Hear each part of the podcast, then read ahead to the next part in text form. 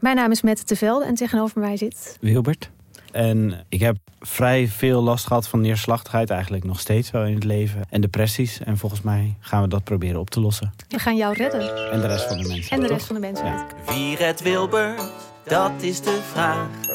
Wie helpt hem bij de kwesties en problemen van vandaag? Luister naar Wie redt Wilbert en de rest van de mensheid. Een podcast van de VPRO voor NPO Luister. De nieuwe Nederlandse musical Onze Jordaan van Diederik Ebbingen is dit najaar in de theaters te zien. Koop nu uw kaarten op onzejordaan.nl. Leuk toch? Hallo, dit is de wekelijkse podcast van de Groene Amsterdammer. Ik ben Kees van der Bos.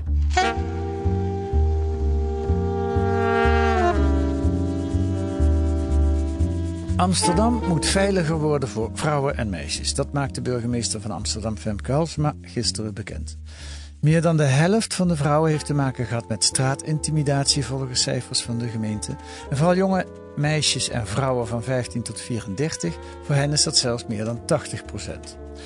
Maar goed, los van die cijfers, wat is straatintimidatie? Wat gebeurt er met kwetsbare meisjes? Wat is de rol van sociale media? En gaat de aanpak van Amsterdam helpen? De Amsterdamse aanpak is gebaseerd op een onderzoek van de journaliste Margaliet Kleiwecht. Ze schrijft erover deze week in De Groene en nu zit ze hier. Dag Margaliet, leuk dat je er weer bent. Ja, leuk om er weer te zijn.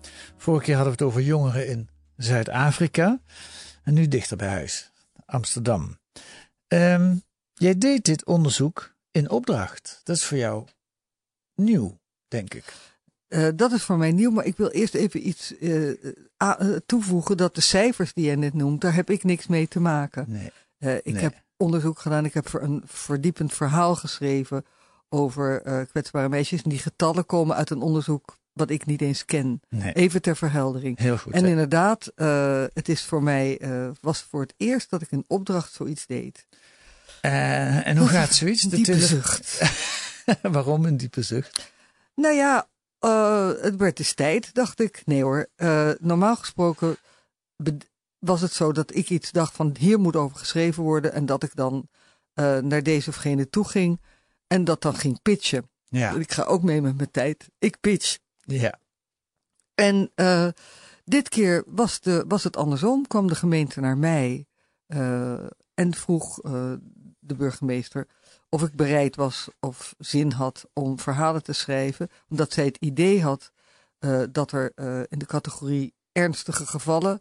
eh, meisjes die van huis weglopen, in hotels terechtkomen, in loverboy situaties komen. Dat dat groeide, dat dat een groeiend probleem was. Dat heb ik aangehoord en daar heb ik van gezegd, nou daar ga ik over nadenken en met mensen praten. Of dat wel zo is, ja, in de eerste plaats vind ik het altijd belangrijk om te, te bedenken, is het wel zo wat zij zegt? Ja. Het- hè, je kan van alles beweren. En ik snap ook dat je het niet helemaal precies kan zeggen. Ehm, en wat dan altijd helpt, is met mensen praten die zelf ehm, of hulpverlener zijn of in de buurt zijn van die hele moeilijke gevallen van meisjes die van huis weglopen en in verkeerde groepen terechtkomen. En in dit geval was er een politieagente die mij vertelde dat zij zich steeds meer zorgen maakte omdat zij was gaan turven op haar. Zij, zat in het team vermissingen. En zij turfde steeds vaker meisjes die van huis wegliepen en waar dan niks mee gebeurde. Dan, want eh, vaak is het zo dat de politie dan zegt: Nou, meid, kom maar op, we brengen je weer, weer thuis. Als ze al vinden. Maar in dit geval waren het vaak de moeders die naar het bureau kwamen en die zeiden: Mijn, mijn dochter is weg, ik heb geen idee waar ze is, doe wat. Mhm. Dan doet de politie trouwens niet zoveel. En zij was daar bijzonder bezorgd over. En eh, gisteren tijdens de presentatie van het boek vertelde ze ook dat er nu eh, afgelopen maand 27 vermissingen waren, alleen in Stadsdeel West. Eh, dat is dus Jonge meisjes. ja, jonge meisjes, minderjarige meisjes. Ja, Dus ja. onder de 18. Ja. En toen dacht ik, toen heb ik nog met de officier van justitie gesproken. Toen dacht ik, ja, als iedereen er zo over denkt, of iedereen in, in dat kleine veld, dan moet ik me er maar aan wagen. Toen ben ik van start gegaan. Oké, en jij bent journaliste, onafhankelijk. Eh, Stel je dan nog voorwaarden voordat je aan de slag gaat? Eigenlijk vind ik dat die voorwaarden, on, ja, dat dat zo vanzelfsprekend is. Maar ik, de eerlijkheid gebiedt me te zeggen dat ik dit keer wel een mail heb geschreven. Ja. Ja, Met daarin de uitdrukkelijke, we- eh, de uitdrukkelijke verklaring dat ik volkomen onafhankelijk wilde werken. Ja. Maar eigenlijk, weet je wat het is? Eh, ze vragen mij niet, ze laten mij dat werk niet doen als ze dat niet willen. Nee, dat is waar, maar ik moet denken aan een geval. Marcel Metsen, die voor Rijkswaterstaat een boek ging schrijven, een aantal jaar geleden. En die schrijft dan eh, zo'n boek. Dat was ook gevraagd door hen. En die schrokken zo van wat hij opgeschreven had, dat ze hem verboden om het te publiceren. En toen was hij toch heel blij dat hij van tevoren bedongen had. Dat heeft hij via de rechter af moeten dwingen. Van wat ik ook vind, als ik het wil publiceren, dan publiceer ik het. Stel nou dat jij gevonden had dat het eigenlijk allemaal wel meevalt. En dat er een hoop eh, mensen denken dat het een groot probleem is. En dat bestaat ook wel, maar het is veel kleiner dan, eh, dan eh, de burgemeester en, de hulpverleners zelf dachten. Dan had de gemeente misschien wel niet gewild dat je dat op zou schrijven. Ja, ik moet je. de- ja, dit is een gewetensvraag, maar ik denk eerlijk gezegd dat ik dan naar daartoe was gegaan en dat ik had gezegd: ik kan het niet schrijven, want het is, het is er niet. Ja, ja. Ja. Ik ga dan niet een rapport schrijven met dat het eigenlijk niet bestaat en dan in your face roepen. Nee, Zo zit ik niet in elkaar. nee. En het is natuurlijk iets anders als je tegels wil lichten, hè, wat in het, ge- eh, het andere geval is, dan, dan is het heel goed om het nog juridischer dicht te timmeren. Ja, Maar het ligt wel, het onderwerp ligt wel een beetje aan tegen waar ik vaker over heb geschreven. Ik ken heel veel spelers in het veld. Dus ik snapte ook eh, vrij snel dat hier wel wat over te schrijven was. Anders was ik er niet aan begonnen. Als ik dacht, het is niks, had ik het niet gedaan. Maar de eerlijkheid gebied zeg je om te zeggen dat ik er wel een mail over gestuurd heb. En dat, wat stond er zo'n beetje in die mail? Dat ik, oh, nee, dat was één zin. dat, eh, dat mijn eh, onafhankelijkheid ten alle tijde gewaarborgd moet zijn en dat er niet veranderd mocht worden. Oké, daar waren ze het mee eens. Ik denk dat ze erom moesten lachen, want zij vonden dat ook vanzelfsprekend. Ja, ja. Er zal precies, wel- misschien wel iets in hebben gestaan waar ze niet zo blij mee zijn. Ja. Maar ja, dat is dan jammer. Oké, dan de volgende stap. Dan ga je het dus doen naar wat vooronderzoek. Dat is eigenlijk bij, voordat je een pitch doet als een journalistiek artikel, doe je vaak ook eerst wat vooronderzoek om, om te kunnen vertellen wat je wil gaan doen. Ehm, ik kan me voorstellen in dit geval dat het ook wel weer helpt als je mensen te spreken wil krijgen. Dat je zegt, ja, de burgemeester heeft mij gevraagd om dit uit te zoeken. Zeker. Zeker. Wa- wat heb je gedaan? Hoe pak je zoiets aan? Eh, ja, nou, eh, in de eerste plaats, eh, je valt dan onder een afdeling. Ik heb niks met de burgemeester te maken, maar er is een actiecentrum Veiligheid en Zorg hier in Amsterdam, die met de meest kwetsbare groepen werkt.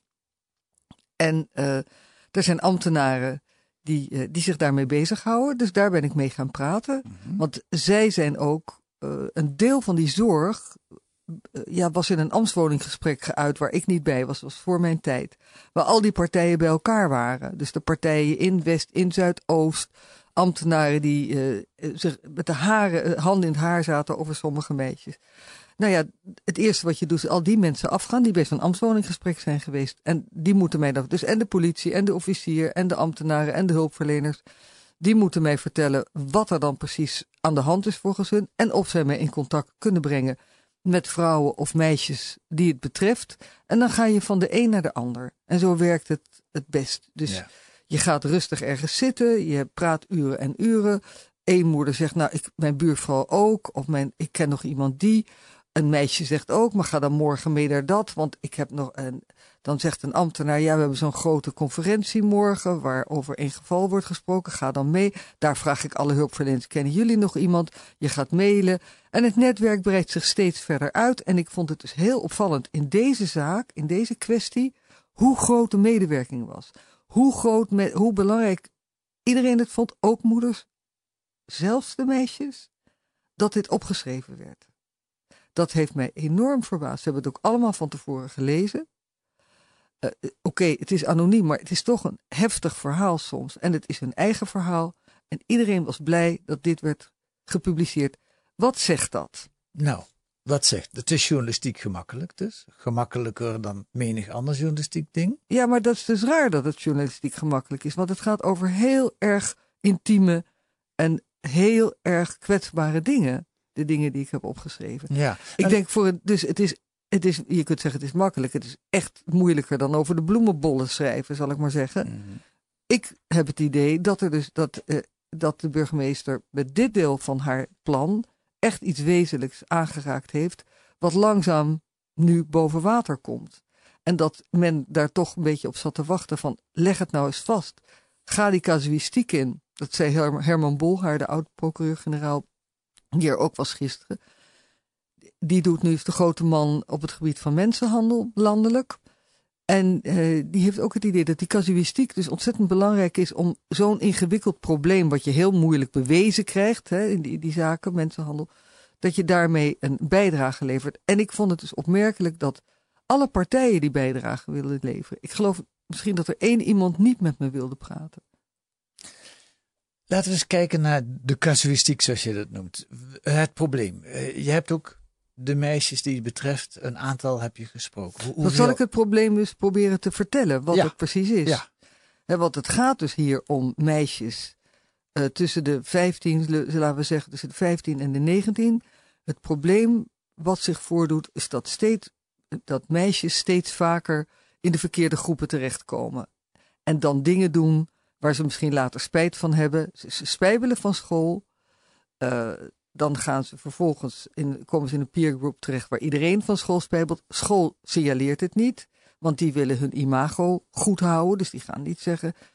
Met name in Zuidoost een groot probleem, in West ook wel.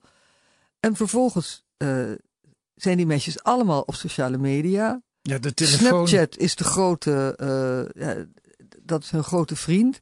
Alles wordt de hele dag gefotografeerd en online gezet. En dan is een van de dingen die ze heel leuk vinden. Vaak zijn het meisjes die s'avonds niet uit mogen. Dan gaan ze wel uit en dan gaan ze naar een hotel. Waar een meerderjarige jonge man al een kamer heeft geboekt. Daar staat de tank. Tegenwoordig heb je een tank met lachgas klaar. En dan is het.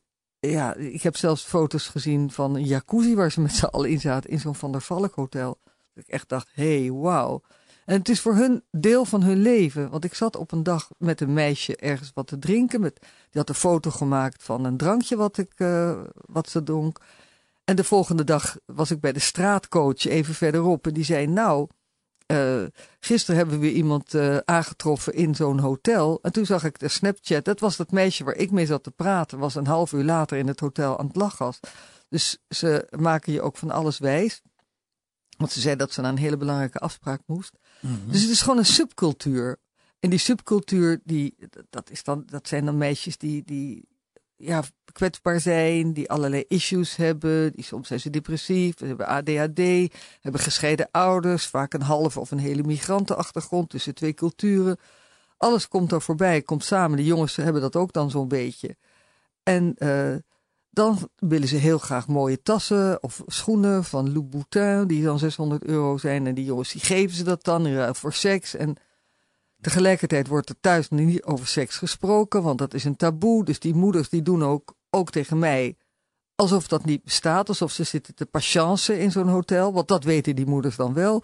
Want die moeders volgen die meisjes dus ook op sociale media. En dat is wel iets nieuws dat is, het is dus anders in die zin dan Loverboys, dat die meisjes echt ook een actieve rol erin spelen soms. Dus uiteindelijk worden ze ook wel slachtoffer, maar ze zijn soms zelfs ook wel dader, dat ze andere meisjes meenemen. Dus van alle kanten is het goed om dit probleem eens aan te vliegen. Maar nu heb ik er genoeg over gezegd. Is het duidelijk, Kees? nou, we gaan het nog duidelijker maken, want... pardon. We gaan het nog duidelijker maken, want er is... Uh, ik wil je iets laten horen over meisjes die het slachtoffer zijn geworden van uh, Kai van der Ree. Dus een week wat geleden de presentator van BNN-Vara die ontslagen is nadat naar buiten kwam dat hij vroeger dit soort dingen gedaan had. En bij uh, RTL Boulevard hebben ze een aantal van die slachtoffertjes nu slachtoffers, maar toen waren ze jonge meiden. Een was 14 toen ze sprak. Luister wat ze daarover vertellen. Ja, werd mij gevraagd tijdens een videochat of ik mijn kleding wilde uitdoen. Um, hij trok zelf zijn kleding uit en uh, ja, liet eigenlijk zijn geslachtsdeel zien. Tijdens ons contact vroeg hij uh, ja, vaak naar naaktfoto's. Daar werd mij steeds gevraagd of ik mijn kleding uit wilde trekken. Of ik dan mijn shirt wilde uittrekken en of ik aan mijn borsten wilde zitten. Hij stuurde foto's van zijn geslachtsdeel, uh, foto's dat hij in zijn onderbroek lag met zijn hand erin of soms zijn hand erop. En met zijn, uh, ja, zijn lichaam erbij, dus je zag ook zijn tattoos, je ziet duidelijk dat hij het is. Ehm, en ook foto's met zijn gezicht erbij. Hij liet gewoon steeds uh, zijn geslachtsdeel zien en vraagde me steeds om het ook te doen. En hij trok zich op me af. En dat vond ik eigenlijk wel een beetje raar, maar ik vond het ook lullig op dat moment om het uit te zetten, want dat durfde ik niet. Op een gegeven moment begint hij met naaktfoto's sturen en dan zegt hij van ja, ik wil er wel wat voor terug. En uh, voel je op die manier best wel gedwongen om dat dan ook maar te doen. Hij geeft je het gevoel alsof je de, enige bent en alsof je het een soort van verschuldigd bent. Uh, en begint je dingen aan te praten van ja, we hebben zo'n goede band en wat ik met jou heb, dat heb ik niet met iedereen en ik zie je anders. Het is een soort van rolmodel en om dan na zoveel keer uh, af te wijzen en hij blijft vragen, ja, dan, dan doe je het toch maar. Het heeft best wel wat mentale schade opgeleverd. Ik ben me best wel smerig gaan voelen in mijn eigen lichaam. Ik voel me misbruikt. En dat laatste meisje was 14 toen dit allemaal gebeurde. Uh, is dit illustratief? Het, het, lijkt me heel erg illustratief voor uh, wat er heel vaak gebeurt, denk ik, tegenwoordig. En dat dat toch heel erg te maken heeft met de mogelijkheid om op die manier contact met elkaar te zoeken. Weet je, er spreekt ook wel een grote naïviteit uit. Ik bedoel, als, als, als jij mij naaktfoto's gaat sturen of, of, of eh, allerlei seksueel getinte eh, foto's, dan ga ik daar niet meteen op in, denk ik. Dan. Nou, dat zou ik ook zeker niet doen als ik jou was. nee, maar, nee, maar ja, het is, dat, daarom heet het, uh, wat ik geschreven heb, ook niet voor niets kwetsbaar. Uh, het zijn natuurlijk, het overkomt lang niet iedereen. Hè? Dus er zijn heel veel meisjes die inderdaad daar niet op in zullen gaan bij die kaai. Die denken, viespeuk, sodomiet erop. Ja. Maar er zijn er dus ook die om, om, omstandigheden, dat machtsmisbruik of die machtsverhouding, die of zo geweldig vinden dat ze die aandacht krijgen. Dat, is natuurlijk inderdaad iets van alle tijden. Alleen, het is nu zoveel makkelijker. Het is zoveel. Normaal gesproken moest hij misschien toch vroeger aanbellen aan de deur. Of je moet een briefje schrijven of een mailtje. Nu, je kunt dus heel goed kijken wie er kwetsbaar is en daar misbruik van maken. En dat gebeurt, denk ik, dat zal hetzelfde zijn bij Epstein en Weinstein. Dat zijn. Je moet een bepaalde naïviteit of een beetje. Uh, ja, weet ik veel, uh, kwetsbaarheid, uh, een beetje stom Tuurlijk is dat het. Maar het je moet in een rotsituatie het moet, het moet niet gebeuren. Nee, dat, uh, nee. Ze moeten niet het gevoel hebben dat ze daarin. Uh, ten eerste niet dat ze daarin gelokt zijn. En ten tweede moet er geen gebruik van ze gemaakt worden. En jij bent. Nee, dat, is, dat lijkt me duidelijk. Dus, dus het, het treft vooral kwetsbare meisjes. Ofwel misschien niet zo'n slimme meisjes. Of die een situatie. Dat is nee, dat is. Dat is niet, het heeft ook niet altijd, het is, dat is het jammer. Dat vragen mensen ook van, kun je één ding zeggen? En dat kan niet. Elk geval is toch anders. Je hebt wel een paar uh, uh, dingen waar je het ongeveer, hè, wat iedereen een beetje hetzelfde heeft, is, uh, het is ook voor een deel bij deze meisjes in ieder geval avontuur willen hebben, spannend, iets leuks denken te willen beleven en dan het, net het verkeerde doen. Dus niet die, dat morele kompas hebben van ho en niet verder. Mm -hmm. En dat heeft ook met leeftijd te maken, het heeft met situatie te maken, met achtergrond te maken. Veel van deze meisjes die ik heb gesproken kwamen uit een biculturele uh, achtergrond. Ge ge maak het eens uh, heel concreet. Kun je een voorbeeld geven? Kun je een meisje beschrijven? Nou ja, ik, ik vond ze allemaal hard, toch wel hartverscheurend, de, de verhalen die ik heb gehoord. Maar een meisje waar je heel goed bij ziet hoe het anders had kunnen lopen. Als er beter was, zeg maar, als de methode Halsema, als de, wat ze nu wil doen, als die was gehanteerd, was dit niet zo uit de hand gelopen. Dat is Isabel. En Isabel, die, um, die woonde bij haar vader. Ze kwamen allebei uit Italië. Haar moeder was een, kwam uit Afrika, maar die had het gezin verlaten. Haar vader werkte bij Endemol, die deed haar geluid. Uh, en, uh, verdiende best goed. Toen kwam zijn dochter over, die daarvoor bij zijn ouders had geleefd, maar dat ging niet meer. Die ouders waren te oud. En toen heeft hij een andere baan gezocht bij een hotel. En hij kwam, hij heeft zich ingeschreven bij Woningnet, maar hij kreeg geen woning. Zij kwam op een school terecht, waar zo'n schakelklasse is, waar vaak ook wat kwetsbare leerlingen zitten. Als je overkomt uit een ander land. Als je Nederland, overkomt, ja, ze ja. moest Nederlands leren. Ja. En uh, ze kwam bij de verkeerde vrienden terecht. En die man die woonde in bij een, uh, bij, uh, ja, die huurde onder. En ze hadden maar één kamertje. En die man die moest, die, waar ze huurde, die moest ook wat van haar, wat ze echt helemaal niet wilde. Dus zij kwam in allerlei hulpverleningstrajecten terecht. Er kwamen allemaal wel hulpverleners, had er tien geloof ik bij elkaar. En het enige wat ze nodig hadden, was een tweekamerhuisje. Dat was, meer hadden ze niet nodig. De politie is zelf um, ook weer van het team vermissingen, want ze liep ook weg, kwam met de verkeerde jongens in aanraking, die haar ook bont en blauw sloegen. Uh, die heeft zelfs alle woningbouwverenigingen aangeschreven. En toch, uh, wat een ander haar weer kwalijk nam, want als politie moet je zoiets niet doen. Ik denk, wees blij met zo'n politieagenten. En dat is ze niet gelukt. Dus uiteindelijk is die man dakloos geraakt. Zij ook. Zij zijn beide dakloos op dit ogenblik. En uh, hij woont in de hulp voor daklozen in Bloemendaal ergens. En zij zwerft rond van vriendje naar vriendinnetje. En bij die nieuwe aanpak van de burgemeester zou zij, op, op, ja, omdat dit gebeurt, toch geprioriteerd worden en een huisje krijgen. Dus we moeten dat alsnog voor Isabel gaan regelen. Ja. En, je, en, en dat is dus een hele goede zaak, omdat zij dus uh, de keer dat ik haar ontmoette, uh, dat ze naar me toe kwam smilen met een enorme zonnebril op haar hoofd. Ze deed die zonnebril af en dus gewoon twee zwart geslagen ogen. Ze was net bij de politie geweest om aangifte te doen van mishandeling van deze leuke vriend. Je, ja, dan, ik, ja, het zo ingewikkeld. En ze deed eigenlijk, ze deed het goed op school. Het was ook een heel leuk iemand. Slimme meid. Slimme meid. Leuke meid. Met wat issues, maar die heb ik niet. Ik vond er enig. Ja. En, uh, uh, en uh, dat, dat is voor, denk ik, hulpverleners ook heel frustrerend. Dat ik ook denk, want die man liet mij dus die lijst van hulpverleners zien. Dat is crazy. Ja, dat zei je even. En, by the way, tien hulpverleners, is dat echt tien? Of, of ja, ik, had, ik, heb, ik heb het nog. Ik heb ze allemaal. Al de adressen, de telefoonnummers. En nee, wat, echt. wat moet ik er dan denken? Iemand van schuldhulpverlening of iemand van de jeugdzorg? Iemand van, nou ja, ik kan er geen tien bedenken eigenlijk. Ja, nou ook iemand waar ze dan, want om, ja, het gaat wel ver dit, maar om, uh, er was toch een kans dat ze dan een huisje zouden krijgen, maar, maar dan moest zij met een psycholoog gaan praten. Dus die zat er ook bij. Hm. En zat er ook een maatschappelijk werker bij. En ja, nee, zo, it adds up. Hm.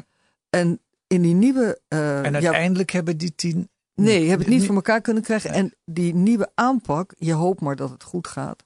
Hè, die top 600 aanpak, die ze dan wil doen nu de burgemeester voor slachtoffers in plaats voor daders. Die, we even uitleggen. Die top 600 was van Eberhard van der Lane. Die had het bedacht om de, de, de topcrimineeltjes in Amsterdam aan te pakken en heel intensief stuk voor stuk te gaan begeleiden. En die aanpak stelt Helsema nu voor voor deze slachtoffers. ja, voor, dus, voor Isabel, zal ik Ja, maar zeggen. Die zou ja. daar dan onder vallen. Ja. En een van de dingen uh, die daar heel belangrijk zijn, is dat er één iemand eindverantwoordelijk is. Dat is dan, en die gaat dan meteen een aantal van die tien hulpverleners afscheid van nemen. ja, het lijkt soms zo vanzelfsprekend. Ja, hè? Precies. Maar, maar, zo, maar zo makkelijk is het niet in hulpverleningsland. Dat moet bedacht worden, dat er één iemand verantwoordelijk is. Ja, dus op zich vind ik misschien wel eens leuk om te gaan pitchen als volgend onderzoek. Dat ze daar maar niet van afkomen. Dat iedere keer weer al die hulpverleners over elkaar heen buitelen. En er vervolgens toch echt niets gebeurt in het geval van Isabel. Oké, dan de aanpak van eh, Amsterdam nu. De, je hebt het dus al, al genoemd. Dat is, er komt er in, in de kern op neer dat je zo'n zo'n meid, zo'n vrouw als Isabel, eh, dat er een verantwoordelijk hulpverlener komt die zegt: we gaan deze zaak aanpakken. Van kijken, wat is de kern van het probleem? Wat kunnen we eraan doen? Ja, en ik denk ook, want dat was ook uh, bij Van der Laan zo. Uh, ja, dat je dus geld investeert eigenlijk in iemand. Dus dat ze er bovenop zitten, dat zij een opleiding gaat doen, dat ze Ja. daarin investeren, dat er huisvesting. Het is ook heel praktisch. En ik geloof dus heel erg in vooral praktisch. Hm. Geef uh, die meiden die, ja, die zo uh, ontsporen, kijk wat ze willen, kijk wat je voor ze kan doen en zorg dat ze gewoon op een goed spoor komen. En dat kan. Want een paar van de meisjes uit uh, dit verslag, daar is het al, die zijn al op de goede weg. Dus ik ben daar in mei mee begonnen of zo. En die zijn nu, één is er al, want sommige meisjes zitten al in die aanpak. Die zijn uit de aanpak. Die, die hebben het goed gedaan. Het zal niet in alle, alle gevallen uh, redden, maar ik, ik Ja. geloof er heilig in. Ja. Er is geen andere manier. Ja. Ja. Dankjewel, Margeliet. Deze week uitgebreid te lezen in uh, De Groene Amsterdammer. Uh, en tot de volgende keer.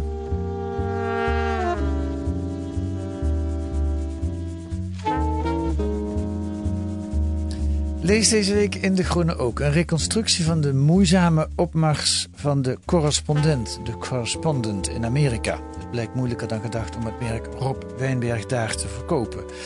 En een profiel van Lisbeth Zegveld, de mensenrechtenadvocaat die al twintig jaar strijdt voor erkenning van oorlogsslachtoffers.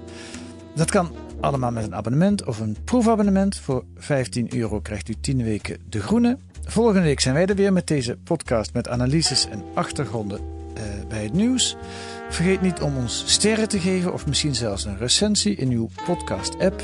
Deze week werd de Groene Podcast gemaakt door Rosa Uiterwaal en Kees van der Bos. En de muziek is het Tune for N van Paul van Kemena.